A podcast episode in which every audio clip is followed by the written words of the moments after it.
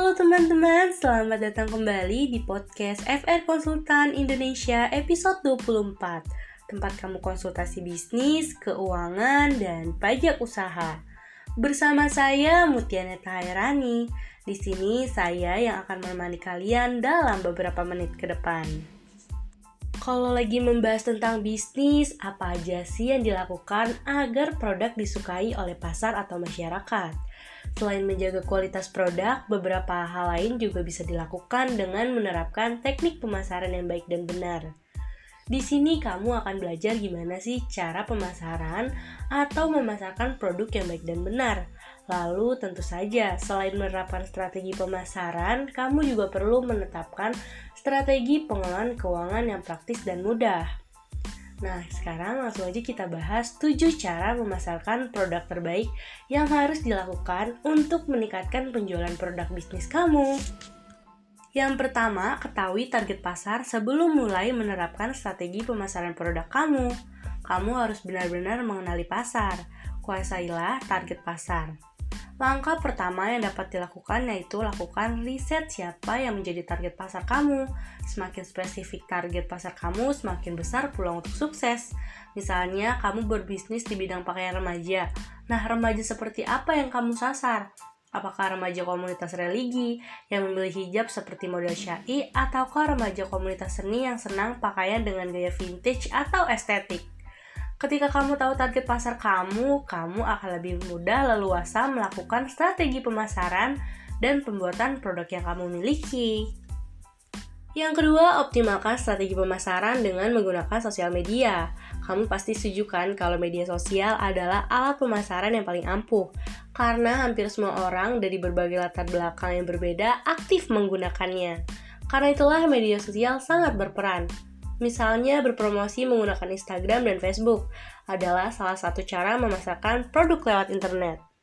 Dengan media sosial, perusahaan dapat menjalin interaksi secara luas dengan berbagai kalangan, dengan biaya yang murah dan visibilitas atau keterlihatan yang tinggi.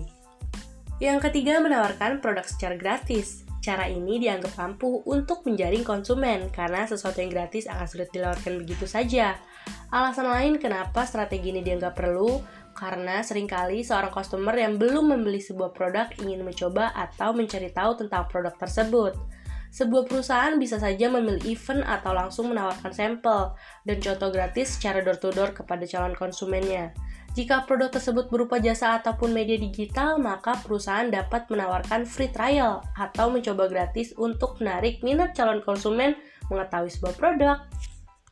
Yang keempat, memilih tempat strategis. Tempat strategis akan selalu menjadi strategi pemasaran yang patut dipertimbangkan karena dengan tempat penjualan strategis produk kamu akan lebih sering terlihat sehingga memicu penjualan yang tinggi. Tapi kriteria pemilihan tempat strategis ini harus menyesuaikan dengan target sasaran bisnis kamu juga serta kemudahan untuk menjangkaunya. Yang kelima, memberi insentif untuk rekomendasi produk atau testimoni. Sebuah produk akan terlihat bagus dan dapat dipercaya bila ada yang merekomendasikannya. Untuk mendapat sebuah rekomendasi atau testimoni dari konsumen yang telah memakai produk kamu, kamu bisa juga memberi penghargaan berupa insentif yang menarik. Insentif sebuah testimoni atau rekomendasi tentu nggak harus selalu berupa uang Insentif dapat berupa hadiah produk atau potongan harga. Ini adalah salah satu contoh strategi pemasaran yang harus kamu coba.